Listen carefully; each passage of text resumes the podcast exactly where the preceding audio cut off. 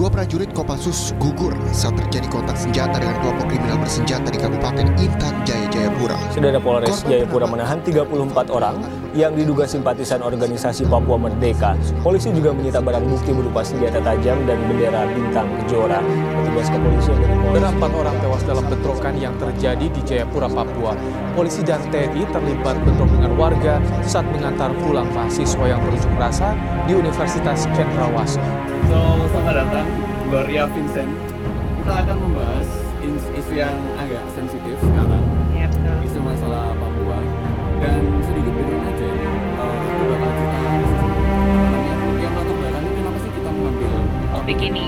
Nah nanti Gloria juga punya uh, pandangan masing juga masalah aku mengambil mengambil topik ini karena jadi awalnya sih ada teman-teman yang dari Papua kan itu menerima banyak sekali Benar.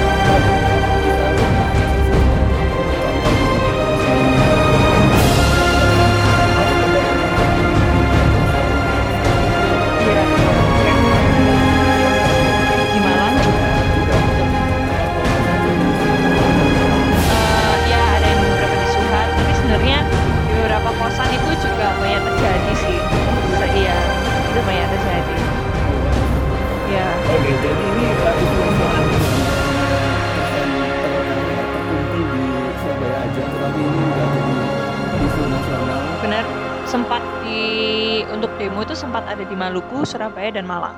Wow. Dan parah, yang paling parah itu di Papuanya sendiri. Untuk demo itu kalau nggak salah 19 Agustus ya, 19 Agustus. Ah, see, see. Jadi itu di Wamena aja atau di mana? Di Irian Jaya juga, di beberapa lokasi, Oh, di beberapa beberapa lokasi. di beberapa lokasi. Nah, jadi gue aku sebenarnya udah apa ya ngangkat isu ini, tetapi belum aku upload karena beberapa pertimbangan. Aku Iya. tuh ngundang pembicara dari Universitas Cendrawasih yang ada di Irian Jaya. Betul. Keku- eh, kebetulan aku punya kenalan, tapi dia tuh kayak kurang apa ya? kayak- Dia kayaknya takut gitu loh. Iya. Pada saat itu tanggal 21 internet tuh dimatikan. Jadi di kita tuh rekaman pakai Oh. Skype jarak jauh gitu ya. Terus eh, dia tuh nggak berani mengakui gitu loh bahwa ada konflik. Oh di sini nggak ada apa-apa, oh di sini damai kok. Oh iya ya, iya jadi iya. jadi aku nggak bisa memasukkan dia ke ke podcast gitu karena nggak eh, you know highlighting the real issue gitu. Iya. Nah, kebetulan aku dapat orang yang keren banget. Coba ceritakan eh, Gloria, Gloria tuh enaknya ka- kalau orang lihat tuh siapa aktivis atau du- duta atau bagaimana? Iya. Jadi eh, emang kalau aku sendiri sih sebenarnya aku memang sempat ikut di duta kampus Universitas Negeri Malang juga. Yap. Akhirnya lanjut ke duta wisata Kabupaten Malang juga. Ah, Dan akhirnya terakhir juga ke Putra Putri Batik Nusantara wow. di ya yang dibawahi oleh Kemenpar juga. Jadi aku memang karena aku melihat anak muda itu harus ngambil potensi lah. Hmm. Anak muda itu harus apa sih yang dapat mereka lakuin di masa-masa muda. Jangan sampai masa muda kita tuh habis untuk melakukan hal yang sia-sia ya cuman mager ya cuman rebahan ya. Mending kita melakukan suatu aktivitas yang bermanfaat. Kalau dibilang aktivis gimana ya? Digital Le- aktivis? Gini ya. Sekarang semua orang itu bisa jadi ini, semua orang itu bisa ngupload apa pun yang mereka mau. Kasih. Dan aku ngelihat suatu pattern di mana anak muda zaman sekarang juga sering upload apa pun lah di Instagram, sosmed, WA, apa pun tentang apa pun yang mereka ingin upload. Yep. Tapi aku melihat sosial media ini sebagai potensi untuk aku bisa eh, istilahnya increase the awareness ya Yep. among the society. Jadi jangan sampai sosmed ini cuman isinya du- segala perduta-dutaan dan cantik-cantikan, tapi malah aku pakai itu sebagai bungkus yang menarik ya istilahnya Hmm. untuk orang mau tahu isu yang lebih dalam kita ngomongin simpel aja ya orang itu males banget ya bahas isu kayak bahas isu yang dalam yang topik-topik yang yang sensitif itu orang itu kadang malah menjauhi karena Iya. eh, itu dianggap tabu ya apalagi di Indonesia apalagi kita orang Jawa pasti pemikiran kayak ya sungkan pemikiran yang kayak ini anu ya apa ya e, a i u e, e, yang kayak Oke, oke. sungkan apa sih bahasa Inggrisnya sungkan kan nggak ada ya Sungkan. Ada bahasa Indonesia Em, sungkan? kayak- kayaknya Nggak ada, ya. kan? Dia hanya di Jawa kelihatannya Iya, iya, iya. dan maka dari itu aku pengen ini nih ini aku dengan segala perduta-dutaanku itu Hah? sebagai bungkus aja. Untuk sebenarnya aku mau menyampaikan sesuatu agar orang itu bisa menerima dengan mudah. Ah, jadi apa pun yang aku temuin setiap hari itu aku coba untuk share ke teman-teman aku. Kayak dari aku lihat anak kecil yang eh, ngamen di pinggir jalan apa yang aku bisa capture apa yang menurut aku penting untuk orang-orang tahu pasti aku akan sharing. Jadi kayak gitu sih. Jadi untuk Oke. aktivis sebenarnya bukan tapi cuman seorang eh, anak perempuan yang memiliki pikiran-pikiran yang dibagikan gitu aja Waduh, sih merendah banget ya. wah Padahal iya dari postingannya itu, wah ini inspiring banget orang ini. iya iya Jadi iya. kayaknya Gloria ini mengubah uh, paradigma masyarakat tentang duta ya. Duta itu kan kebanyakan cuma jadi apa ya? Penerima kader tamu. Ayu. Ya penerima tamu, kader ayu gitu Iya. kan. Biasanya kan yang digaris besarkan itu kecantikan dan outer look. Iya. Tapi sekarang itu paradigmanya tuh berbeda saat aku melihat Gloria. Apalagi Miss Universe World gitu ya. Iya. Yang Afrika Selatan itu menang. Iya, terlepas benar. dari selama ini apa namanya banyak diskriminasi ras gitu. betul Jadi dia tuh mengubah standar kecantikan gitu. Dan, Betul. Wah kayaknya Gloria harus ke level itu deh. Serius ini. Iya, nanti kita lihat ya. Oke oke menarik. Em, apalagi ya tentang Gloria? Ada lagi nggak yang mau kamu? Eh, itu aja sih Gloria dengan segala pemikirannya sebenarnya ingin minimal gak gak ini sih nggak aku pengen ya aku nggak munafik ya nggak mau mengubahkan pikiran orang-orang itu nggak. Cuman sesimpel kadang kita berbagi itu malah balik berkatnya ke diri sendiri. Jadi kalau aku berbagi sesuatu ke orang lain aku merasa eh, apa yang aku bagiin ini juga jadi sesuatu buat aku sendiri. Bukan Oke. akhirnya orang melihat aku seperti apa. Jadi aku nggak nggak kurang apa ya ya udahlah terserah kalian mau melihat aku sebagai apa. Tapi yang penting aku di sini mau menampilkan versi terbaik aku gitu loh jadi dengan aku sharing kayak gini tuh menurutku penting. Karena di apalagi anak zaman sekarang tuh semua kepingin serba instan gitu loh. Mereka susah untuk menerima pesan yang sulit dan agak ya terkadang aku juga kayak gitu. Kayak apa yang harusnya menjadi hal yang penting itu malah dipinggirkan. Malah Iya. memikirkan hal viral yang kurang penting menurutku ya. Oke oke. jadi ya mungkin kalau dengan kita pelan-pelan memberikan kesadaran itu lama-lama orang juga akan mulai ini melihat. Kalau menurut aku sih. Oke. Nah sebelum kita masuk ke topik lebih jauh, aku kayaknya mau mengulik uh, lebih jauh dari itu uh, strategi, strategi kamu deh. Kan kita udah mengetahui cara personal branding apa namanya uh, Gloria tuh. Kemudian cara kamu meningkatkan awareness itu kira-kira komponen apa sih yang harus ada di sosial media kita, di story kita misalnya? Oke, kalau kita ngomongin sosial media itu luas banget ya. Iya. Coba kita mengkerucut ke Instagram aja. Kalau Instagram eh, sebenarnya ada banyak komponen yang misalnya kita bisa gunakan. Sekarang udah ada Instagram itu bisa eh, tanya jawab, bisa polling, bisa ada Q&A-nya, Yep. ada pilkan multiple choice di situ, terus orang bisa message dan lain sebagainya. Di sini aku melihat ada potensi yang tidak terbatas Hmm. dan dari situ harus dimanfaatkan semuanya. Jadi contohnya misal Gloria dalam eh, duta wisata, kemarin Gloria habis jalan-jalan ke Pujon Kidul nih Oh, misal. Ya Gloria langsung sharing ke teman-teman di Instagram. Ini aku mau jalan-jalan di Pujon Kidul. Kalian mau tahu, tahu tentang apa aja? DM ke aku, ntar aku kasih tahu di situ. Karena kerasa banget ketika kita datang ke satu tempat, orang itu pasti tanya, di situ WC-nya bersih nggak? Eh, di situ mahal nggak? Di situ ini nggak? Nah, aku ingin mewadahi juga sih karena nggak semua orang punya waktu untuk datang ke lokasi tersebut selama aku punya waktu dan memang pas momennya aku di situ kalau bisa aku memberikan manfaat semaksimal mungkin. Informasi semaksimal mungkin. Dari informasi itu akhirnya akan tumbuh eh, tumbuh apa ya? Orang-orang akhirnya oh ternyata Instagram Gloria ini sebenarnya saya tuh ya dari dulu kepingin orang itu menangkap ketika lihat Instagram saya itu informatif. Itu aja. Oke. informatif. Itu aja udah.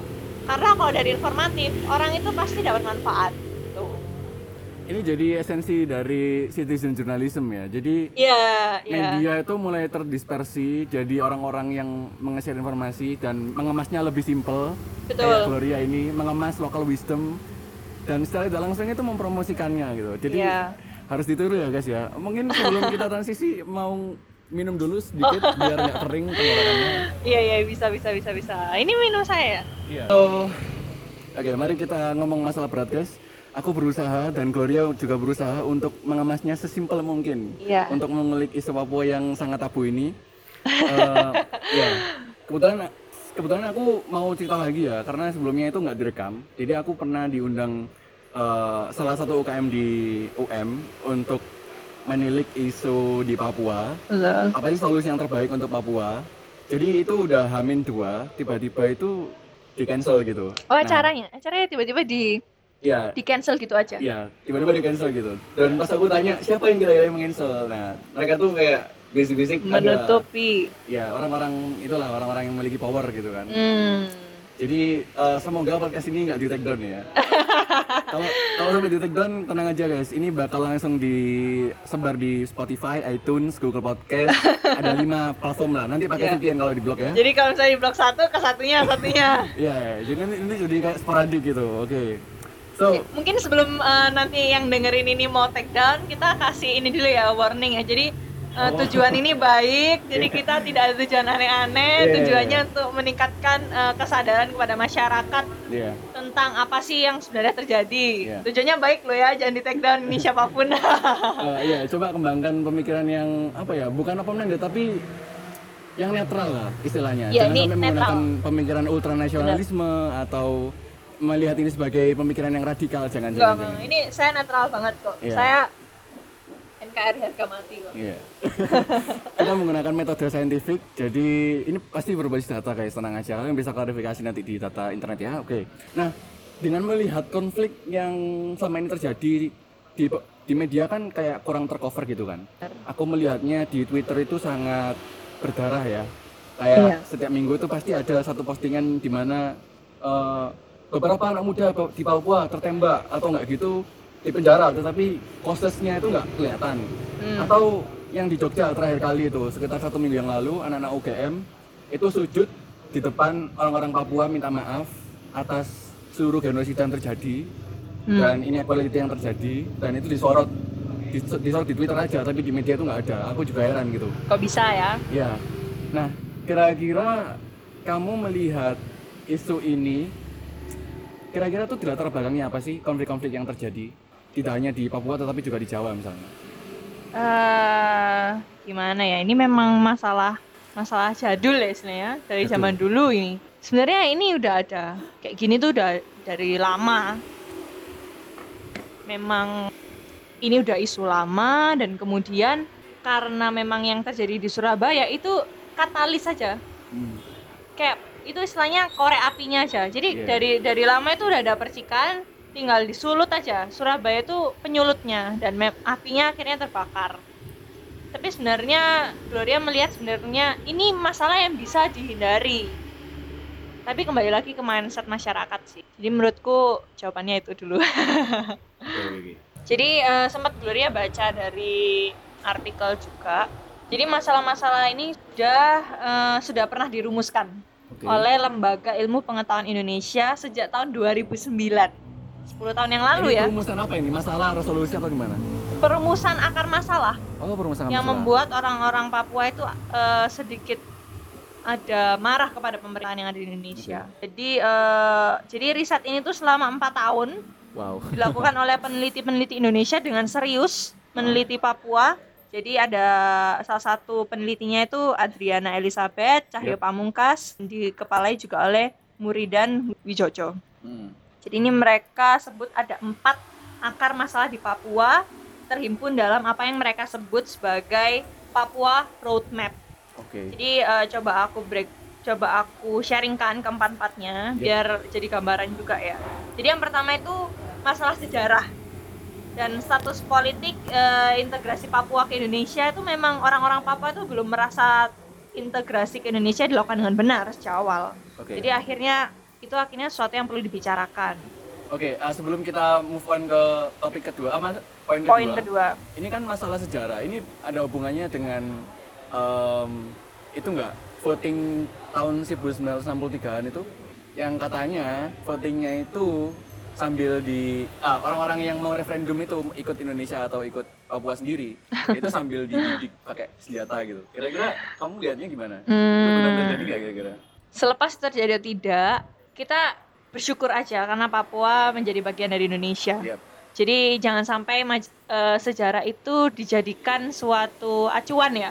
Yap. Karena kita coba memandang suatu hal itu kalau sudah terjadi berarti ada tujuan yang baik. Dan kalau misalnya sudah terjadi eh, Papua menjadi bagian dari Indonesia ya terus kita jaga sampai mati. Kalau itu sih apa yang aku pegang. Jadi meskipun sejarahnya sekelam apa pun itu bukannya aku menutup mata ya. Yap. Tapi aku coba melihat sisi di mana eh, kita orang Indonesia harusnya tidak melihat suatu sejarah itu menjadi suatu hal yang momo atau menjadi kayak wah ini harusnya gini nih ini tapi malah ya udah yang sudah terjadi jadi kita coba untuk lihat sekarang dan masa depan Oke, karena nggak bisa diubah juga ya. Nggak bisa Karena diubah juga ya. Oke, yang kedua ya Yap. kekerasan dan pelanggaran HAM yang berlangsung di Papua ya dari 1965 melalui operasi militer nyaris tidak ada pertanggungjawaban dari negara Oh, wow.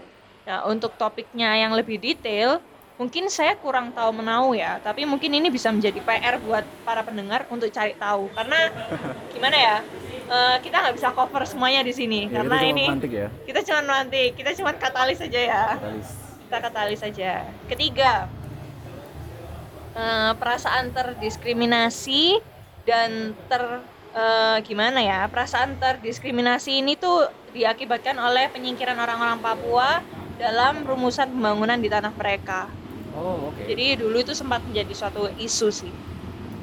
Kemudian yang keempat, yang terakhir, kegagalan pembangunan di Papua itu sendiri yang melingkup bidang pendidikan, kesehatan, dan ekonomi rakyat. Akar masalah eh, akar masalah yang ada di Papua ini diremu- dirumuskan oleh LIPI, Lembaga Ilmu Pengetahuan Indonesia, Eh, dan itu menurut Andreas Harsono menunjukkan ada satu benang merah di situ, benang merah yang benar-benar tampak jelas. Jadi di Indonesia ini ada ra- rasialisme terhadap orang kulit hitam dan rambut keriting. Wow. Em, mari kita kupas satu persatu ya. Kayaknya ini menarik.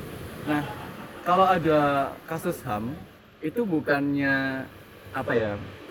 Kayak ka- kalau ada kasus HAM itu pasti kayak berdekade-dekade itu nggak bakal selesai gitu. Misalnya nih kasus 98 ada anak yang ditembak tahun 98 tetapi ibunya sampai sekarang setiap hari Kamis hujan-hujan itu berteriak di depan istana gitu. Apalagi kalau emang genosida masif itu terjadi di Papua, bayangin coba, itu mereka meratapnya pasti antar generasi gitu. Iya. Dan kayaknya itu nggak ada post trauma center gitu, kayak setelah genosida nggak ada orang-orang medis yang bisa ngasih apa namanya, apa ya recovery lah istilahnya. Pasti dendam itu akan diturunkan dari cerita-cerita Hmm. uh, orang-orang yang masih hidup tahun 1965 terus diteruskan ke anaknya, diteruskan ke anaknya, terus Iya. kan sampai ke cucunya gitu. Kira-kira ini bisa direcover nggak, Gloria? Maksudnya di Hmm. apa ya? Mungkin kayak semacam repatriasi atau apakah permohonan maaf dari sosok presiden itu bisa nge-recover itu? Coba jangan pakai kata ini ya. eh genosida ya. Ya, ya oke. Seakan-akan kayak keras banget gitu Ya, ya. di- disofkan, disofkan. Um, Kalau saya melihat di sini cuman ada suatu kesalahpahaman juga sih yang terjadi. Tapi Gloria memandangnya kayak gini. eh, kita nggak akan bisa melanjutkan hidup ini. Kita nggak akan bisa berkembang kalau misalnya kita pertama tidak melepaskan dendam yang ada dalam diri kita dulu. Yep. Dan memang kalau kita mau maju kita harus melepas yang menjadi beban kita untuk bergerak. Itu memang mudah dikatakan tapi memang sulit di ini sih, sulit dilakukan. Kenapa eh, isu ini tadi sempat di- dikatakan kalau isu ini adalah isu yang agak personal juga buat Gloria karena eh, kalau boleh sedikit cerita nih ya. Yep. Dari kecil Gloria itu sudah eh, jadi kita kan memang tinggal di Malang. Tapi menyadari dari Gloria kecil itu orang-orang teman-teman Papua itu udah banyak yang em, menempuh pendidikan di Malang, udah banyak banget. Dan waktu dari Gloria kecil karena memang background kel- keluarga dan orang tua saya itu memang mereka pelayan Tuhan, jadi hari Minggu sore mereka itu membuat ibadah untuk teman-teman Papua di rumah dan malamnya kita ada makan-makan bersama dan itu berlangsung selama bertahun-tahun sampai kalau tidak salah saya SCSD SD kelas 4 atau 5 jadi itu cukup lama dari saya TK kalau nggak salah saya TK sampai ini cukup lama itu mereka tiap minggu datang ke rumah untuk beribadah dan juga mereka makan-makan bersama di situ. Dan karena dari situ dari kecil saya sudah bertemu dengan teman-teman dari Papua itu sudah hal istilahnya makanan yang biasa buat saya bertemu dengan mereka, Hmm, berkomunikasi dengan mereka. Saya juga berkomunikasi dengan dialek dan bahasa mereka juga. Dan itu eh, itu bukan hal yang kayak wow atau kaget gitu, itu hal yang biasa buat saya. Sampai memang suatu hari ketika saya maba maba di Universitas Negeri Malang Oke. salah satu kerabat ayah saya yang dulu sempat beribadah di rumah itu menawarkan bantuan kepada eh, menawarkan minta tolong ya minta tolong kepada orang tua saya jadi katanya ini saya punya sepupu eh, eh punya keponaan keponaannya ini mau kuliah di Malang. Baiknya seperti apa? Mohon diarahkan ya Pak dan Ibu juga keluarga. Hmm.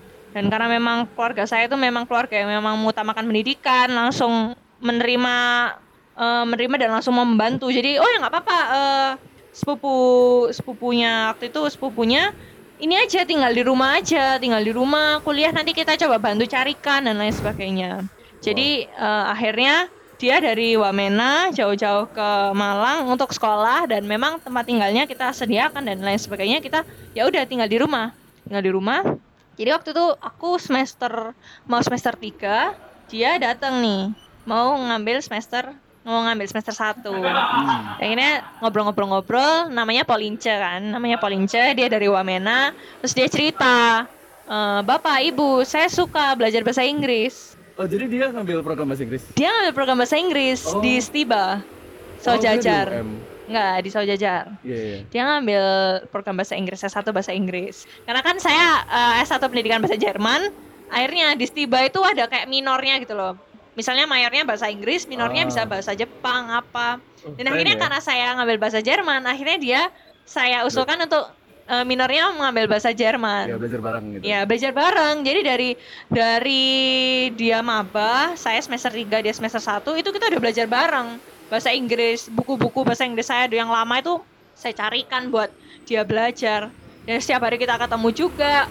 Kalau ke kampus aku kadang yang nganter dia ke kampus, dia nganter aku ke kampus karena kan kita motornya ada satu ganti-gantian. Oke. Jadi udah karena Gloria ini kan nggak ada adik ya. Jadi Polince ini sudah seperti adik saya sendiri. Hmm. udah seperti ad- adik saya sendiri.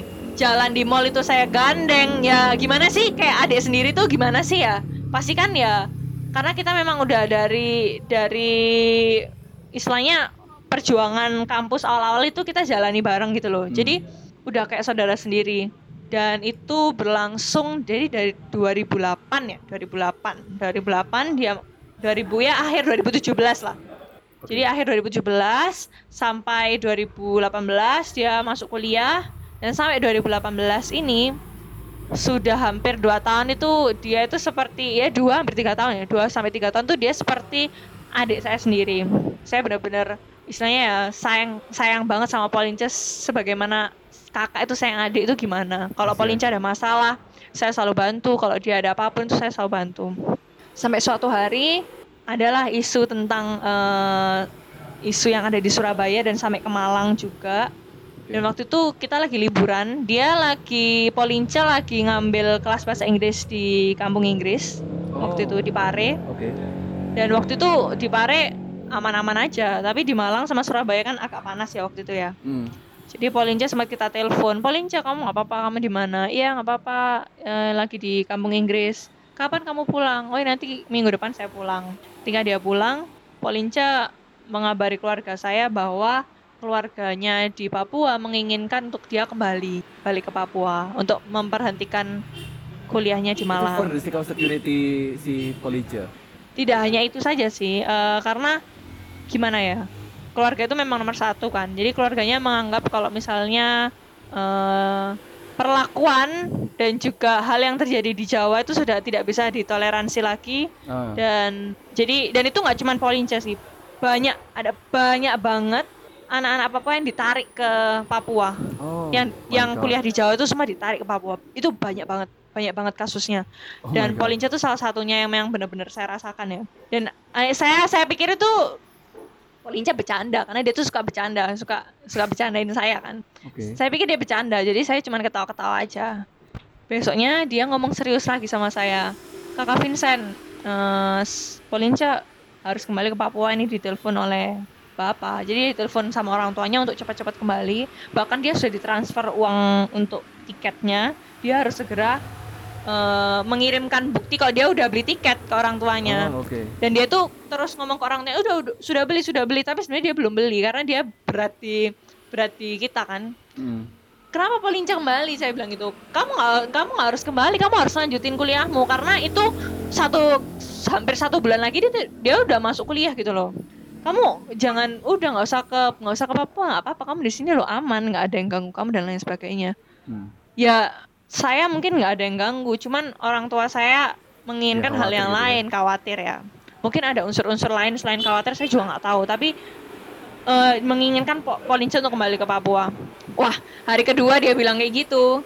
Saya aduh ini serius ini dia nggak nggak bercanda nggak guyon sama saya. Akhirnya saya langsung eh, waktu itu langsung nangis jadi jadinya nangis jadi jadinya terus eh, saya ingat kata-kata dia dia bilang "Eh, kakak jangan nangis kalau kakak nangis saya nangis saya susah untuk pergi dari Malang kalau kakak nangis Ya ampun. itu eh, satu hal yang membuat saya kayak apa ya kayak keras gitu loh ke saya coba kalau misalnya kejadian ini nggak jadi Hmm. pasti hubungan saya dengan Polinca baik-baik saja. Pasti saya nggak akan dipisahkan sama orang yang saya sayang. Jadi itu kayak membuat saya agak sedih juga, menyayangkan kenapa hal ini, isu ini kejadian ini bisa terjadi. Tanpa mereka sadari, eh, isu ini tuh membawa duka buat orang-orang, nggak cuma orang orang-orang teman-teman kita di Papua, Hmm. tapi saya sekeluarga. Saya sekeluarga itu benar-benar merasa kayak kehilangan anak ya, karena Polinca memang waktu itu kita eh, rayu-rayu-rayu, akhirnya dia bilang, oh saya di Papua cuman untuk sebulan saja, nanti saya kembali lagi. Tapi ternyata sampai Ah. sekarang dia nggak kembali lagi ke Malang. Udah hampir satu tahun. Kamu masih keep keep in touch gak? Maksudnya kamu masih berkontak dengan dia nggak? Iya masih, jadi terus eh, minimal lah seminggu atau sebulan lah dua minggu sekali itu kita fit call. Kadang waktu Oh. fit call ada orang tuanya. Tapi awal-awal itu kita susah untuk fit call karena memang koneksinya jelek banget kan. Ya itu kan diblokir kan? Iya Di sempat Papua, untuk di diblokir ya. Jadi itu karena karena jelek itu tadi akhirnya susah untuk berkomunikasi. Tapi sekarang masih bisa untuk komunikasi chatting dan komunikasi lain sebagainya. Jadi karena itu baju-bajunya itu masih ada di Malang. Oh my god. Iya, karena kita expect dia untuk berlibur aja Iya, ke sana, bukan bulan. untuk bukan untuk stay di sana dan ternyata dia stay di sana. Kemungkinan besar sih dia melanjutkan kuliahnya tapi di ini Universitas Cendrawasih ya. Oh, berarti transfer itu ya, studi. ya? Kemungkinan besar seperti itu. Tapi ya tetap sih aku merasa kayak kehilangan gitu loh. Hmm. Dan ini isu yang menurut aku kenapa harus terjadi gitu loh. Kalau nggak terjadi mungkin aku eh, aku bisa sama sama terus sama Polinci sampai sekarang. Mungkin Polinci juga masih di rumah baik-baik aja, ketemu terus sama aku tiap hari dan itu ya agak agak sedih juga sih.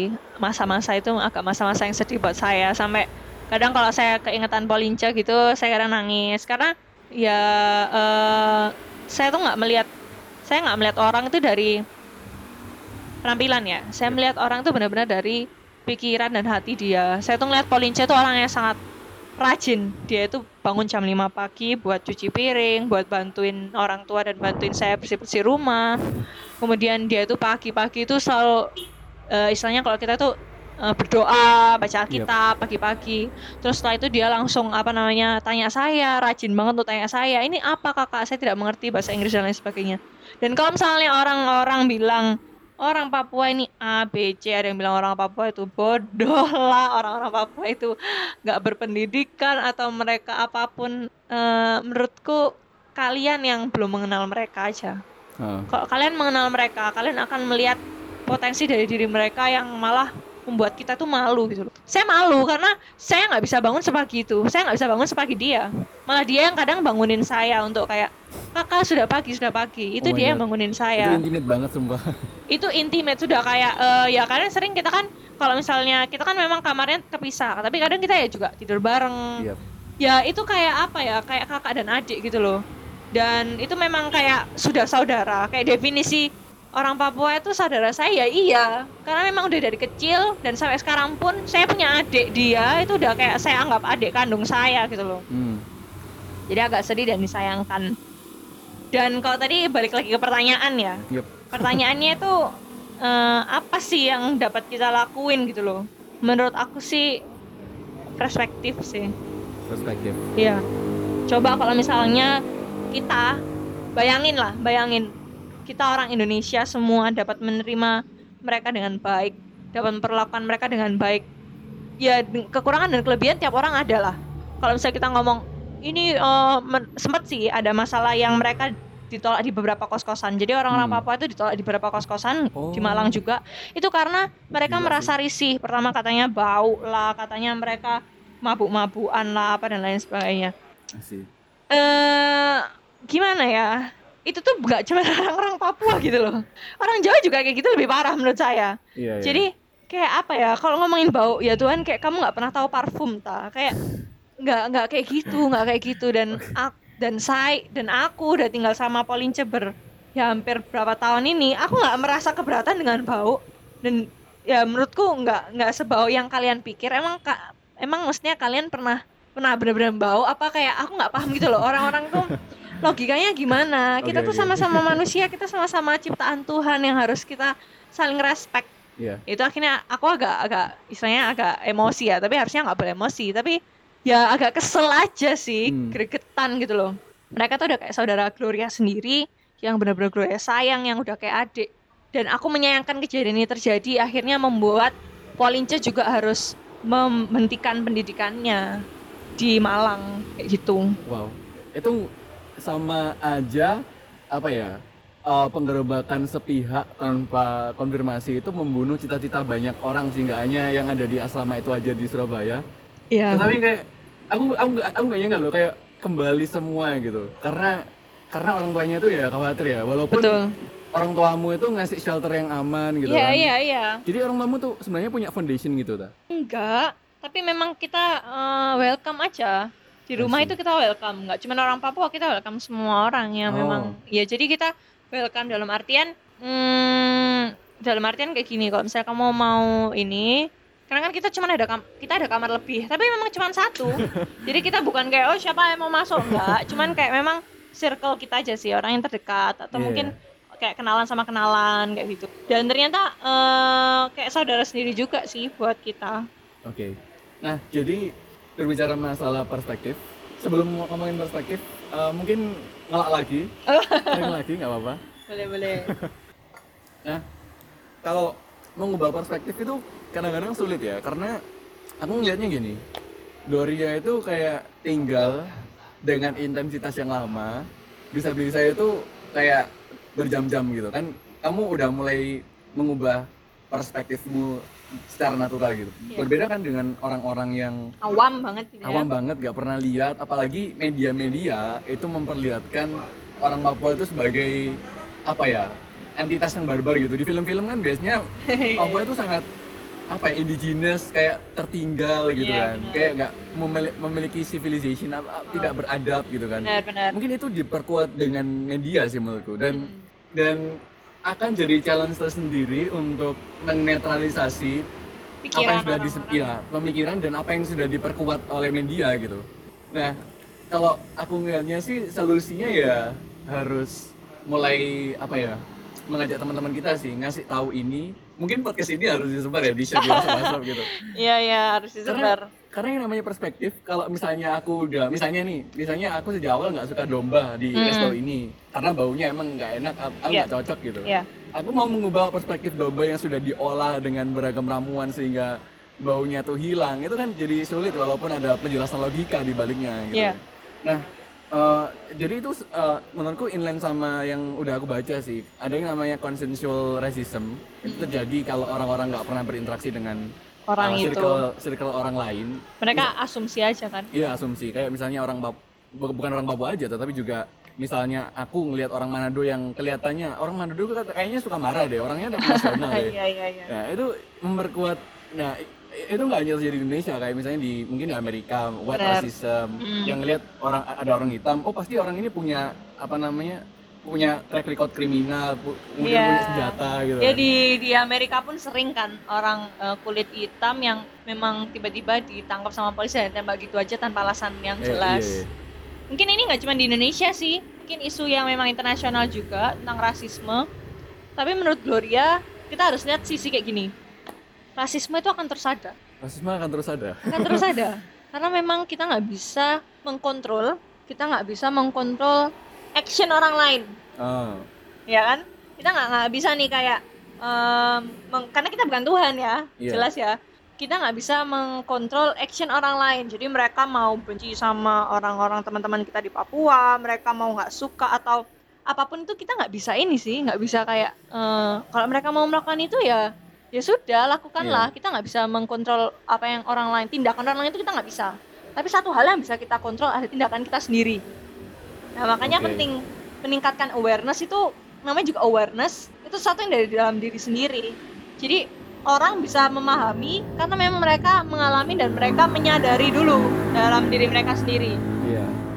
Dan salah satu caranya itu dengan berbagi sih. Jadi Gloria tuh sering berbagi cerita ini ke teman-teman terdekat Gloria. Hmm. jadi waktu itu teman-teman kampus itu lihat storyku tentang ini. Aku pernah curhat tentang ini juga tentang Polinca Oh. di story aku. Dan sempat itu sempat famous juga Eh, kami bukan monyet tuh cap, eh, hashtag kami bukan monyet. Oh I see. Di Twitter jadi itu ya? sempat eh, ada sempat waktu itu be- beberapa orang ya beberapa orang yang menghina teman-teman kita di Papua itu monyet kayak gitu. Ah, dan itu sempat terdengar di orang-orang di Papua dan itu kayak jadi salah satu gitu ya? jadi eh, jadi masif juga. Akhirnya orang sana kayak bikin selebaran dan mereka demo ngomong kami bukan monyet kami Hmm. bukan monyet. Dan itu eh, agak bikin aku kesel ya. Jadi seakan-akan kayak aku orang Papua juga gitu loh. Kayak sera- serasa aku yang dihina gitu. Oke. Aku langsung bikin cap aku langsung bikin story waktu itu. Dan waktu itu cukup keras sih storyku. Aku bilang siapa pun yang bilang teman-teman kita dari Papua itu monyet mungkin kalian yang monyet sampai Iya. eh, sekesal itu aku waktu itu. Tapi waktu itu eh, aku dengan sharing seperti itu teman-teman kampusku itu akhirnya ada banyak pertanyaan. Oh Polince gini-gini? Karena kan memang Polince sering antar aku kampus juga. Oh. teman-teman jadi sempat tahu sempat ngobrol juga sempat eh, istilahnya sempat berinteraksi. Eh Iya. Polince saya ini sempat ngobrol juga. Jadi mereka udah akhirnya jatuhnya kayak bukan sesuatu orang yang jauh tapi memang ya sempat kenal. Jadi kayak Hmm. temen aduh kasihan ya Polince. Gimana dong sekarang?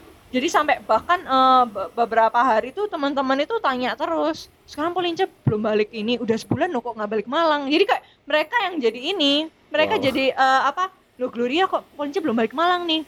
Ya ini memang belum balik Malang belum boleh sama orang tuanya. Dan sampai sekarang pun memang nggak boleh kan? Dan teman-teman juga kayak eh, istilahnya kayak ngomong aduh saya Gloria gini gini gini. Dan akhirnya dari pembicaraan itu kita timbul suatu eh, ada kepekaan gitu. Nah masalahnya orang-orang zaman sekarang mereka ini yang bukan orang zaman sekarang ya orang-orang yang mungkin belum memahami atau orang-orang yang belum ada interaksi Yap. mereka kok berani-beraninya bikin asumsi? Nah itu. Jadi mereka yang kayak belum memang atau mungkin mereka yang punya pengalaman yang kurang baik juga dengan mereka mereka berasumsi yang gimana-gimana. Oke. Menurut saya itu eh, asumsi ne- asumsi-asumsi negatif itu kurang layak lah untuk diupkan itu menurut saya kalau saya personally ketika ada suatu permasalahan yang negatif harusnya kita upload cara untuk mengatasinya dulu. Bukan asumsi negatif itu yang malah kita sharing. Yap. dan ya ini kita harus men- meningkatkan kepekaan lagi sih akan teman-teman ini. Kayak aku ketika aku bikin ketika aku ngenalin Polince ke teman-teman aku bikin story tentang Polince juga kan ada awareness Iya. dari orang circle terdekatku loh ya. Meskipun terdekat gitu ya mungkin cuma lima orang tapi kalau lima orang ini cerita kelimanya lima lima multiple jadi lebih banyak lagi. Kayak MLM gitu ya? Yes kayak MLM ya. Iya. Ya, daripada kita membuat media sendiri terus nanti nanti bisa-bisa kita jadi kayak Veronica Koman gitu. Ka- kayak kalau kita masuk ke social engineering lewat media gitu. Benar. Karena kalau kita ngomong secara personal gini kan lebih aman gitu kan. Nah Iya. ini ini yang jadi yang jadi eh, membuat aku kepikiran sih kalau aku ingin meng-highlight misalnya isu-isu konflik agraria di Papua misalnya penggusuran karena kelapa sawit misalnya betul Nah itu bisa-bisa aku yang ditangkap gitu. Tidak, ya aku gimana bisa ngasih social engineering secara masif kalau misalnya yang bermasalah itu orangnya banyak gitu dan aku bisa-bisa dilaporkan oleh Iya. intelijen gitu kan. Ah, Nah, jadi aku kayaknya masih mencari solusinya sih. Tapi at least mungkin itu bisa di disebarin di am- among us, terutama di keluarga kita karena keluarga kita menurutku itu kayak circle organisasi organisasi paling dasar kan keluarga ya paling grassroots menurutku kalau Mm-mm. misalnya ibu-ibu deh ke pasar terus cita-cita bisa aja di apa namanya di circle ibunya kemudian cerita ke orang tuanya ke Iya. anaknya ke mana bahwa itu lama-lamaan nanti jadi uh, apa namanya tersebar itu. Benar. Karena uh, aku harus aku, aku, aku selalu memprioritaskan uh, masif apa namanya ya menyebarkan pesan-pesan atau perspektif yang masif Mm. karena isu-isu Papua ini kuat banget gitu loh. Iya. Kalau kamu pernah dengar Papua itu bisa terdiskriminasi kayak gitu karena perbedaan agama juga. betul Apalagi isu-isu agama di Indonesia itu akhir-akhir ini lagi gila lagi juga panas sih gitu. iya. Nah itu semakin memperkuat kebencian mereka terhadap orang-orang Papua gitu. benar istilahnya kayak udah beda kulit beda jenis rambut Waduh. beda agama lagi ya Iya, kan udah itu udah kayak triple Udah alien sih gitu ya kan. Terus terus aku ngelihatnya di kos-kosan sekitarku gitu ada apa namanya tulisan-tulisan kos nasional gitu. Sekarang itu ada ada istilah yang namanya kos nasional. oh apa ya kos nasional ya Oh, kamu, kamu belum tahu? Belum tahu, belum Jadi tahu. orang-orang Papua itu kalau ada orang Papua di suatu kos, kosnya ditulisi kos nasional gitu. oh Kadang-kadang ada ngerobek, aku nggak tahu siapa yang ngerobek juga gitu. jadi kos nasional itu maksudnya kos segala Nusantara gitu ya Ya kos Nusantara. Dan mungkin kos nasional itu juga mengakomodasi apa ya? Kadang-kadang ada ber- berdoa bersama di kos kos juga kan kadang-kadang nggak nggak hanya Oh, di, iya, paham, hanya di paham, gereja aja kan. Iya, Mungkin iya. itu yang diakomodasi oleh pemilik kos gitu. Masalahnya ini kosnya kayaknya eh, rentan terserang juga sih sama orang-orang yang eh, punya pemikiran preservasionis atau tradisionalis gitu kan. ya Nah itu yang jadi eh, masalah kita sekarang. Jadi menurut aku gini loh, eh, untuk yang orang-orang yang memang takut kan karena memang di Papua juga ada isu tentang Papua ingin berpisah dari NKRI dan lain Iya. sebagainya. Malah eh, tujuanku ngobrol kayak gini tuh bukan karena eh, tuh kan gara-gara kalian kan gitu, enggak, lebih kayak gini. Ini loh ya yang memang terjadi. Ini realitasnya yang memang benar-benar yang terjadi ya ini Iya. sedihnya ya ini, soronya ini, nangisnya ini, nggak enaknya ini. Tapi gimana kita menyadari itu dulu. Setelah kita menyadari, harus kita ingat-ingat gitu loh. Setelah kita ingat-ingat, jangan sampai hal ini terulang lagi dan dijadikan eh, apa ya cara untuk kita mempererat NKRI lagi. Jadi ini Glory itu nggak ada tujuan ya kayak oke justru karena ini kan memang Papua memang benar harus pisah enggak malah malah lebih lebih nangis lagi aku kalau misalnya Papua pisah dari Indonesia Ah, malah akan susah banget aku ketemu sama Polinja. Yap. Yang bikin aku takut waktu itu bukan karena eh, apa-apa, aku cuma takut kalau sampai beneran Papua pisah dari Indonesia. Aku takut banget. Karena akhirnya pasti akan susah sekali aku ketemu Polinja. Pasti akan susah sekali ketemu Polinja pertama. Karena kan kalau udah beda negara susah kan? Yap. Kita sekarang yang satu negara ke Papua aja susah, Tiketnya luar biasa. tiketnya men. juga luar biasa, apalagi yang beda negara. Jadi kayak, aduh nggak mungkin ini kayak jangan sampai pisah. Kalau pisah, berarti aku sama Polinci tuh kemungkinan besar akan benar-benar bisa pisah. Yang menghubungkan kita itu cuma lewat WhatsApp dan Yep. nomor WhatsApp itu bisa berganti. Terus kalau udah ganti gimana? Nggak bisa konek nggak bisa konek-konekan lagi. Iya.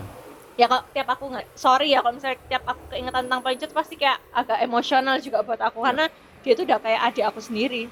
Jadi sampai aku janji sama Polinci, Polinci kakak janji kakak mau nabung suatu saat nanti kak, kak apa kakak yang kunjungin Polinci ke Papua. Jadi aku pengen ngasih tahu gitu loh kayak ini loh aku ke Papua dan kamu juga nggak apa-apa untuk datang ke Malang itu nggak masalah dan aku juga nggak paham sih mungkin masih banyak orang yang eh, berpikiran negatif atau berpikiran kurang baik menurutku pikiran kayak gitu tolonglah untuk jangan sampai ada Iya. pikiran kayak gitu lagi lah Tapi Polinca pernah cerita masalah saudara-saudaranya nggak? Curhat misalnya. Hmm. Eh, kayaknya di Papua itu ada apa gitu yang kan aku aku mikirnya gini kan, nggak mungkin gara-gara ada yang ngomong monyet terus yang demo itu kayak ribuan masa di jalan ya. Pasti ada di perut causes. Sebenarnya gitu. ya banyak Polinci banyak faktor gimana? sih. Jadi dari Polinci sendiri dia itu merasa eh, perekonomian dan juga infrastruktur, pendidikan di sana itu masih kurang dibandingkan Oh, gitu dengan ya? di Jawa. Iya, dia merasa dia merasa seperti itu. Despite all efforts uh, dilakukan oleh Pak Jokowi, Ini eh, gini ya, kalau effort kita harus apresiasi terus. Yap. Tapi kita ngomongin realitas yang ada yang memang dari dulu dan sampai sekarang. Karena kan eh, pembangunan ini aku sangat-sangat mendukung ini sangat bagus peningkatan perekonomian dan lain sebagainya. Infrastruktur itu memang penting untuk dibangun di sana. Ini aku sangat setuju dengan Bapak Presiden kita Bapak Jokowi. Tapi aku ngomongin yang disampaikan oleh Polince ya. Asik. Polince menyampaikan itu mereka dia merasa kayak masih kurang pendidikan dan ini. Nah, buktinya dia kuliah ke Malang. Oh. Buktinya dia ke Jawa untuk eh, belajar. Mestinya dia merasa kalau di Jawa pendidikan jauh lebih bagus daripada di sana. Ah. Ya itu sih yang membuat aku juga eh, oh gitu ya ternyata kejadian di sana dan itu akhirnya membuat motivasi aku juga untuk menabung agar aku bisa ke sana juga karena biar aku bisa melihat langsung dan bertemu dengan keluarganya dia, ketemu sama dia itu suatu menurut aku juga hal yang menyenangkan nantinya. Iya. Pas kamu nge-share poster uh, menerangi Papua itu uh, program volunteering Iya, waktu itu teman aku eh, dia eh, nawarin aku, dia kerja kayak di media sosial gitu. Oke. Terus dia bilang, "Gloria, ini dong kamu bikin eh, apa namanya?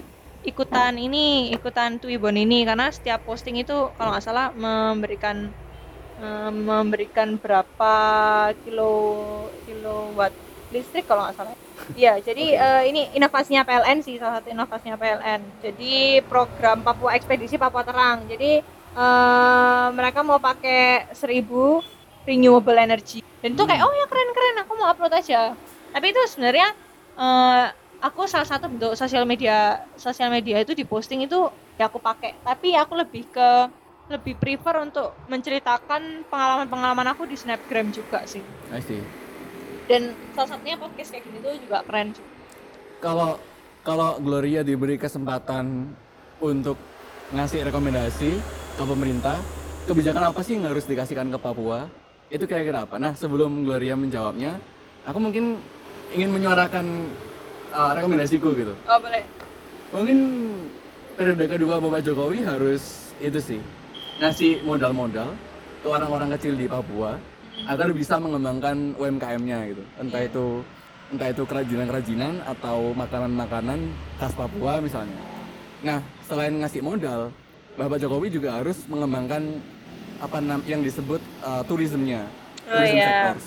karena menurutku tourism sectors itu membantu banget orang-orang kecil daripada ngasih Papua langsung eh ini industri-industri investor silakan silakan apa namanya eh, bangun infrastruktur dan apa namanya pabrik di Papua menurutku itu nggak necessarily ngasih benefit langsung ke orang-orang kecil menurutku kayak modal seed funding untuk MKM Mhm. terus tourism sektor kayak yang kamu sebut tadi Bu Iya. Pujon Kidul itu dari dari yang kayaknya itu cuma ladang hijau kemudian jadi kafe itu kan Iya. gara-gara dana desa gitu kan Iya benar. Nah menurutku pemerintah harus narget ke sektor-sektor kecil dulu sebelum nga- ngasih uh, izin untuk misalnya Benar. industri kelapa sawit dengan pemikiran oh kalau aku ngasih izin ke industri kelapa sawit mereka na- nanti ngasih CSR kok corporate social responsibility mereka bakal ngasih jalan dan sebagainya macamnya menurutku justru justru industri-industri besar ini yang uh, merugikan orang-orang adat gitu karena Iya iya. aku melihatnya orang-orang adat ini memiliki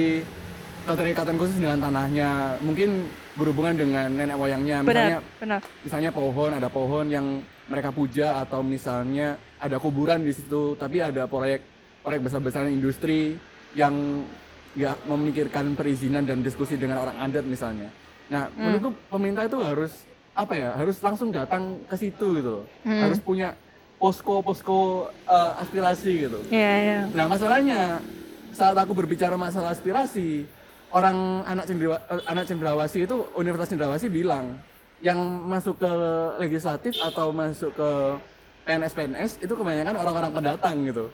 Nah gimana aspirasi bisa masuk gitu kalau Iya. orang-orang pendatang? Nah orang pendatang kan nggak tahu secara intim permasalahan masalah-masalah kecil gitu. Nah, Nah, kalau masalah-masalah kecil terutama yang uh, di luar kota itu sudah terpenuhi, mungkin nih, mungkin mereka nggak bakal menyuarakan isu-isu separatis- separatisme lagi. Buat apa aku harus separatisme aku dapat social benefit di sini? ya Iya. gitu. Nah, kira-kira giliran Gorilla kira-kira apa rekomendasi policy untuk Papua ya. Papua itu tanah surga. Tanah Wow. yang ya kan memang Yes. Papua itu tanah surga. Potensinya itu endless, endless potential. Jadi gak ada habis potensi yang ada di Papua. Kalau kita ngomong, kalau kita bahas pariwisata, salah satu unsur Sabta Pesona itu unsur pariwisata ya. Unsur pariwisata yang pertama itu aman. Ah, oke. Jadi eh, memang kalau kita tahu Bapak Jokowi juga punya plan untuk pariwisata itu 10 Bali baru. Oh, oke. Ya, jadi 10 Bali baru itu lokasi adalah 10 lokasi-lokasi wisata Bromo salah satunya BTS Bromo Oh, gitu Tengger ya? Semeru ya. BTS itu salah satu lokasi yang ingin mereka kembangkan arahnya Bali. Jadi kayak ini loh Bali baru. Jadi Wow. Indonesia tuh nggak cuman punya Bali tapi ada Bali-Bali yang lain yang Iya, baru tahu dan ya itu 10 Bali baru namanya. Dan tahun ini mengkerucut ke 5 destinasi super prioritas dan salah satu dan eh, itu ada di Morotai, Danau Toba dan sebagainya ada banyak Oh. bagus banget. Tapi kenapa kok aku melihat di sini Raja Ampat kok nggak masuk ke dalam 5 eh, 5 destinasi super prioritas. Bahkan Raja Ampat nggak masuk juga ke 10 Bali baru. Oke. Karena memang untuk masuk ke 10 Bali baru, Sabta Pesona 7 7 eh, tujuh faktor untuk tempat wisata itu bisa jadi tempat wisata yang baik itu menurutku Papua masih belum bisa memenuhi karena syarat pertama itu aman aman. dan secara eh, secara politik dan secara apa yang apalagi isu-isu yang terkait yang memang terjadi akhir-akhir ini Yap. membuat eh, Papua juga masih belum bisa stabil loh Hmm. dan akhirnya kan pariwisatanya juga tidak bisa berjalan dengan baik wisatawan mau datang ke sana takut dong Takut banget sumpah. ya makanya itu susahnya kalau misalnya mau mengangkat itu jadi jadi tempat sektor pariwisata. Bisa bisa banget. Malah bisa jadi lebih bagus dari Bali malah. Raja Ampat. Raja Ampat bahkan udah terkenal ke mana-mana memang. Oke. tapi karena memang menurutku tahap-tahap yang diambil pemerintah juga gimana ya eh, mereka harus proses belajar juga. Mereka mengalami proses belajar juga di situ. Nggak bisa kita langsung ke sektor eh, kita nggak bisa langsung ke sektor pariwisata. Harus pelan-pelan. Pertama infrastruktur terus kemudian Oh. baru pendidikan dan juga itu. Dan itu dilakukan pelan-pelan karena gini mengubah perspektif itu bukan semalam mereka langsung akhirnya diubahkan. Bahkan orang pak eh, teman-teman kita di Papua pun menerima menerima eh, tahu kan tentang ini eh, ada pembangunan jalan tol di Papua Iya, iya. dan eh, orang-orang yang lagi bangun itu kan ditembakin juga kan? Oh iya. ya soal itu juga. Jadi akhirnya agak susah sih. Tapi pelan-pelan kita pasti bisa kalau misalnya kita mau sabar dan kita mau berusaha gitu. Ini bukan hal yang instan. Hmm. masalahnya di Papua itu sangat rumit tapi menurutku karena kita nggak bisa ya. Apa sih Gloria mau po- misalnya mau ngasih peraturan apa nih buat pemerintah? Bisa gini gimana ya personally aku dengan background anak sastra Jerman nggak bisa ngasih apa saran apa-apa. Yap. cuman yang karena itu menurut aku itu udah ranah pemerintah untuk memberikan suatu eh, apa ya peraturan. Yap. tapi hal yang bisa aku lakukan itu dari diriku sendiri balik lagi sih spread the awareness itu tadi. Yap. kalau dari kita orang-orang Jawa kita teman-teman udah punya pemikiran memandang mereka positif dan baik dan melihat hal-hal positif yang mereka istilahnya semua orang lah orang Jawa pun punya ada negatif ada positifnya. Orang Hmm. Papua juga negatif dan positifnya. Kita tuh sama-sama manusia sama-sama sama-sama tinggal di Indonesia. Kita harus benar-benar melihat dan saling ini sih benar-benar harus saling nggak boleh ada rasisme di antara kita nggak boleh kita harus benar-benar menggandeng tangan untuk Indonesia maju Indonesia nggak bisa maju kalau Indonesia terlepas dari Papua menurutku Yap. dan Papua juga sebaliknya Papua nggak bisa maju kalau misalnya Papua terlepas dari Indonesia Hmm. Gak cuman Papua, Jawa, Jawa nggak bisa maju kalau terlepas dari Indonesia atau Kalimantan, Sulawesi dan lain sebagainya. Menurutku, ayolah kita gandeng tangan. Hal yang bisa aku lakuin ya itu lagi, balik lagi lewat sosial media, lewat teman-teman terdekat aku dan mungkin siapa pun yang mendengarkan ini bisa diubahkan juga pikirannya untuk eh, orang-orang teman-teman kita di Papua dan juga diubahkan pikirannya hal-hal simpel apa yang bisa kita lakukan mulai dari sekarang. Ya. Contoh kita mau menyapa mereka di jalan, Oke. contoh kita mau belajar untuk menerima mereka di lingkungan kita karena memang sempat juga sih tetangga-tetangga waktu ada Polince tinggal di rumah itu sempat tanya itu siapa ya orang Papua yang apa namanya eh, masuk-masuk rumah terus gitu? Dikiranya Oh. dikiranya orang random masuk rumah. Ya ya kembali lagi ke kita gimana menjelaskan ke masyarakat sekitar kan? Iya. oh itu anak Papua eh, namanya Polince kuliah di Malang pintar bu anaknya rajin. Dia udah kayak adik saya sendiri baik oh iya ya? Oh gitu ya?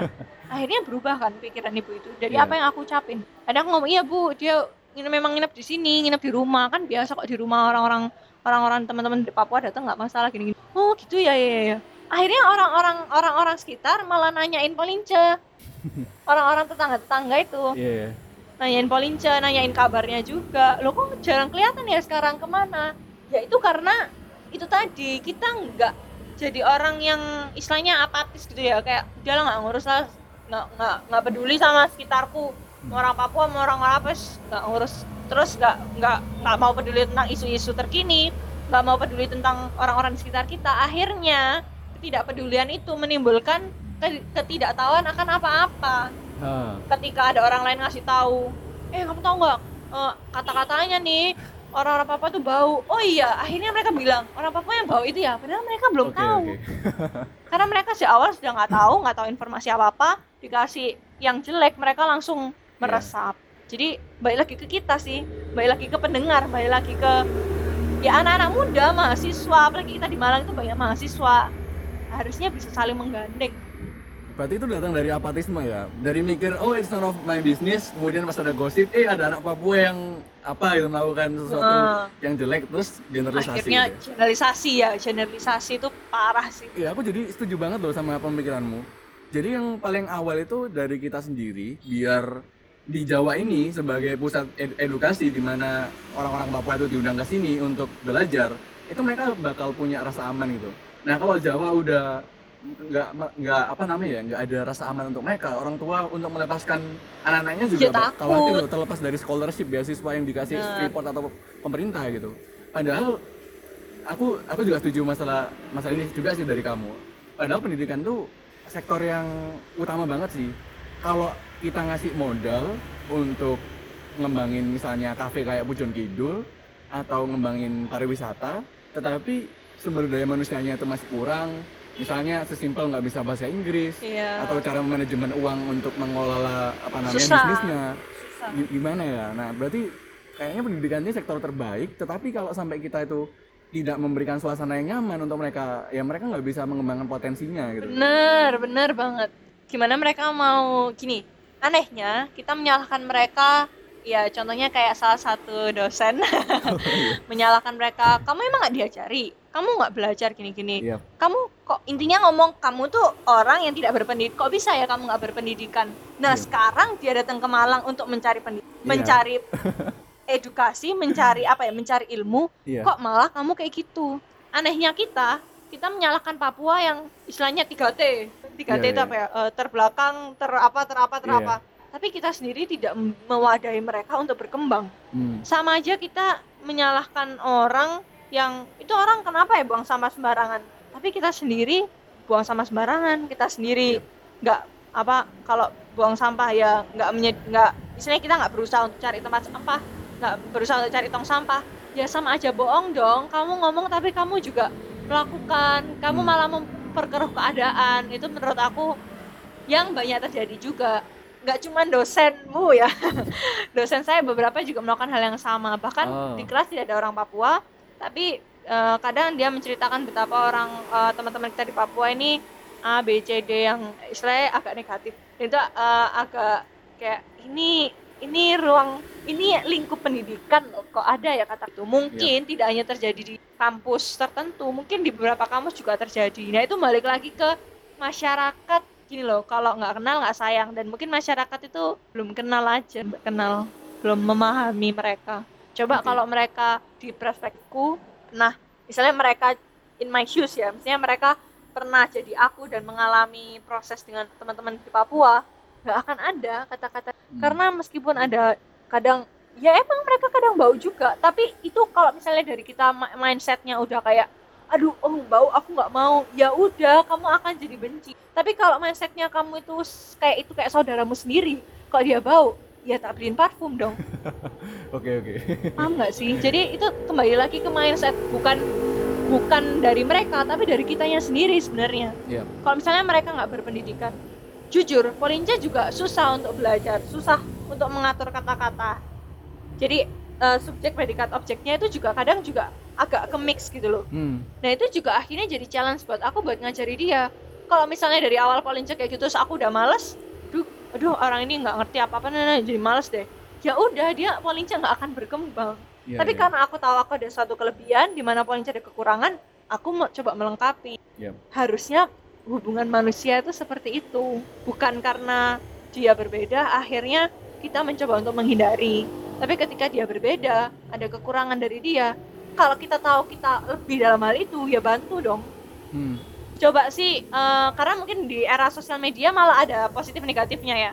Yep. Anak-anak itu akhirnya kayak mereka lebih fokus ke kayak ya lo lo gue gue gitu. Kan terkenal banget ya dia kayak kamu kamu aku aku gak ngurus kamu ya kamu ojo ngarai aku. Iya. iya. Padahal menurutku kayak gini tuh ada baik, tapi kok banyak eh, gimana ya? Akhirnya anak-anak itu jadi kurang peka sama sekitar.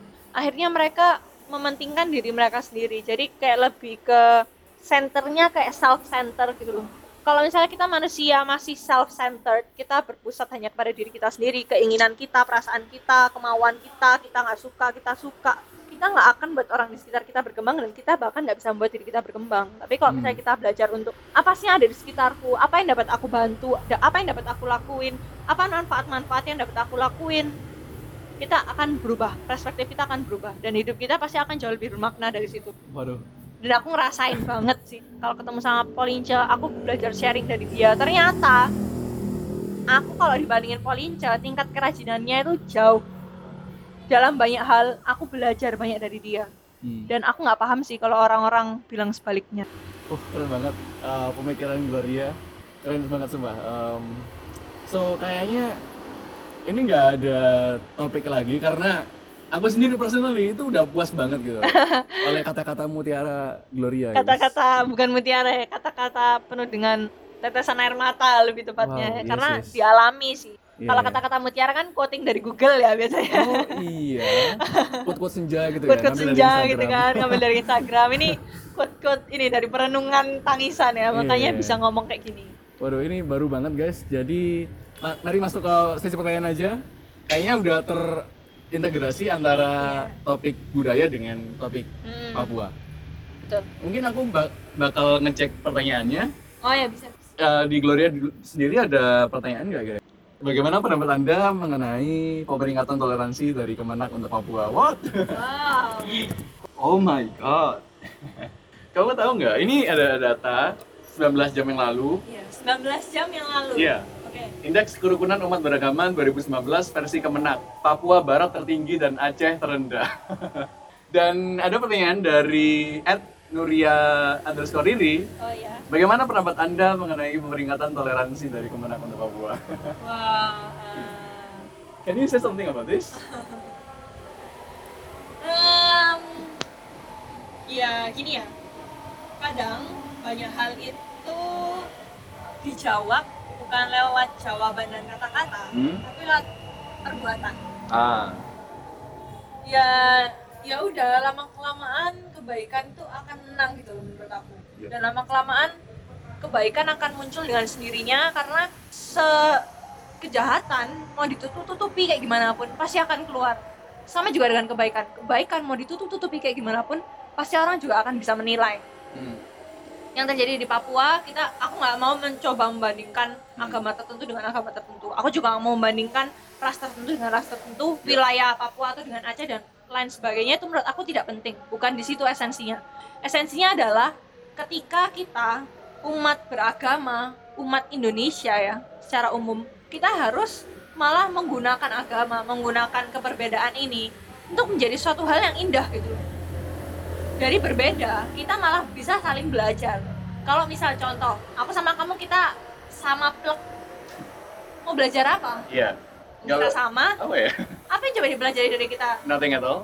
there's nothing at all. Nggak ada yang kita bisa saling pelajari karena kita sama. Coba kalau kita berbeda maka apa yang berbeda dari kamu itu aku coba belajar.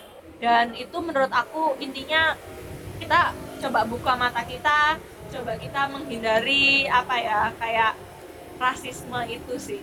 Dan coba menghindari generalisasi seakan-akan gini-gini. Coba cari tahu dulu. Cari tahu dulu bener-bener alami sendiri baru menurutku kamu berhak untuk berbicara Hmm. Um, wow, keren banget. kalau menurutku personally sih, ini justru menandakan bahwa kalau kamu ke Papua dan terutama ke kota-kotanya, berarti aman dong, karena tingkat ke, tingkat kerukunannya tinggi gitu.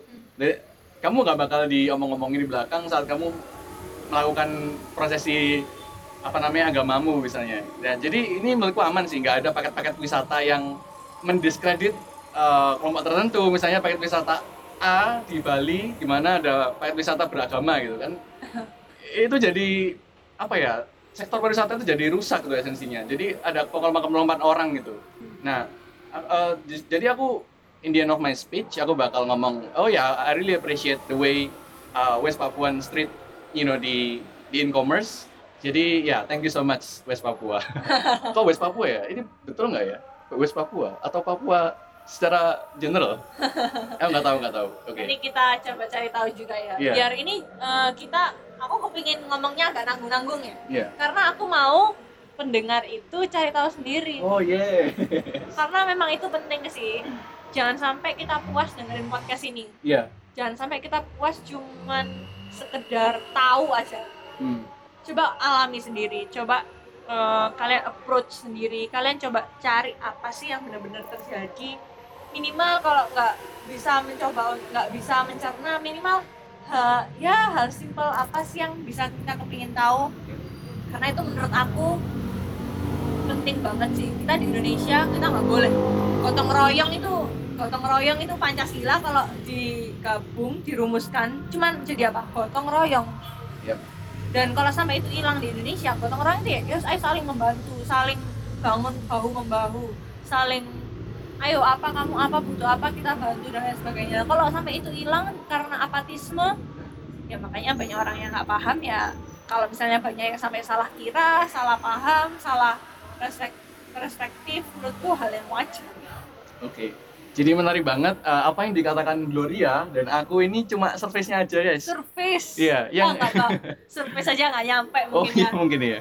Cuman aduh, hal kecil, part yeah. kecil aja yang kalian cari sendiri itu adalah personal experience yang lebih mengena daripada perkataan orang. Saat kamu melihat sendiri fakta di Papua atau orang-orang Papua itu bagaimana, itu bakal jadi enlightenment yang lebih mengena dan long lasting daripada perkataan orang gitu.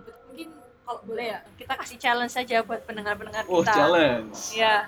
Jadi apa pun yang kalian lakuin, tidak memandang suku, agama, ras, bahasa, coba untuk tersenyum pada semua orang. Yep ada orang Papua ketemu di jalan senyum aja saling nyapa say hi terus ada mungkin nggak harus orang Papua orang Batak orang Ambon orang Maluku orang Aceh orang Sulawesi orang Dayak orang Madura orang Jawa orang Jakarta coba kita senyum aja ke mereka. Kasih sapa. Karena menurutku itu adalah suatu penghubung. Setiap orang setiap manusia itu membutuhkan manusia yang lain. Yep. dan sesimpel kita tersenyum itu kita memberikan apresiasi kita ke mereka. Coba sih pendengar jangan lupa senyum hari ini. Tapi jangan senyum sendiri ya. Senyum okay. pada orang lain. Okay. stranger pun it's okay ya kan? Iya. yeah. Kayaknya ini bakal jadi quote kamu yang barusan ini atau kamu mau, mau buat quote baru ya? Quote senja gitu. Nggak ini bukan quote senja. Ini uh, memang uh, ini juga Gloria aku pengen lakuin juga. Karena uh jadi aku pengen juga untuk senyum kepada siapa pun yang Gloria temuin. Mungkin kalau pendengar tertarik dengan apa yang Gloria ingin lakukan ya kita lakuin bareng-bareng. Kali aja kita di jalan ketemu kita senyum-senyum bareng kan? Iya. gerakan senyum rekor muri ini. Iya rekor muri. Oke jadi ada yang mau kamu promoin IG atau apa gitu udah itu aja kalau misalkan mau tahu uh, story-story atau mungkin kisah-kisah yang Gloria sharingin juga bisa lihat di Instagram di Gloria yeah. Vincent iya itu aja sih Ya nanti kalau Gloria Vincent buat polling, apakah aku harus membuat YouTube atau buku? Kamu vote yes ya, karena aku ingin, you know, membaca lebih dalam apa yang ada di pikiran Gloria. Oke, okay, so see you guys, thank you. Jangan lupa subscribe. So bye bye. Hola pendengar yang setia, kami sangat mengapresiasi bagi kalian yang telah mendengarkan podcast Imapres dan ikut berpartisipasi dalam Q&A sebelum recording dimulai. Bagi kalian yang telah memfollow Spotify Imapres dan ikut membagikannya, kami juga sangat berterima kasih. Apabila kalian memiliki ide, topik, atau rekomendasi sumber, cukup bilang saja ke imapres.um di Instagram dengan melakukan DM. Terima kasih.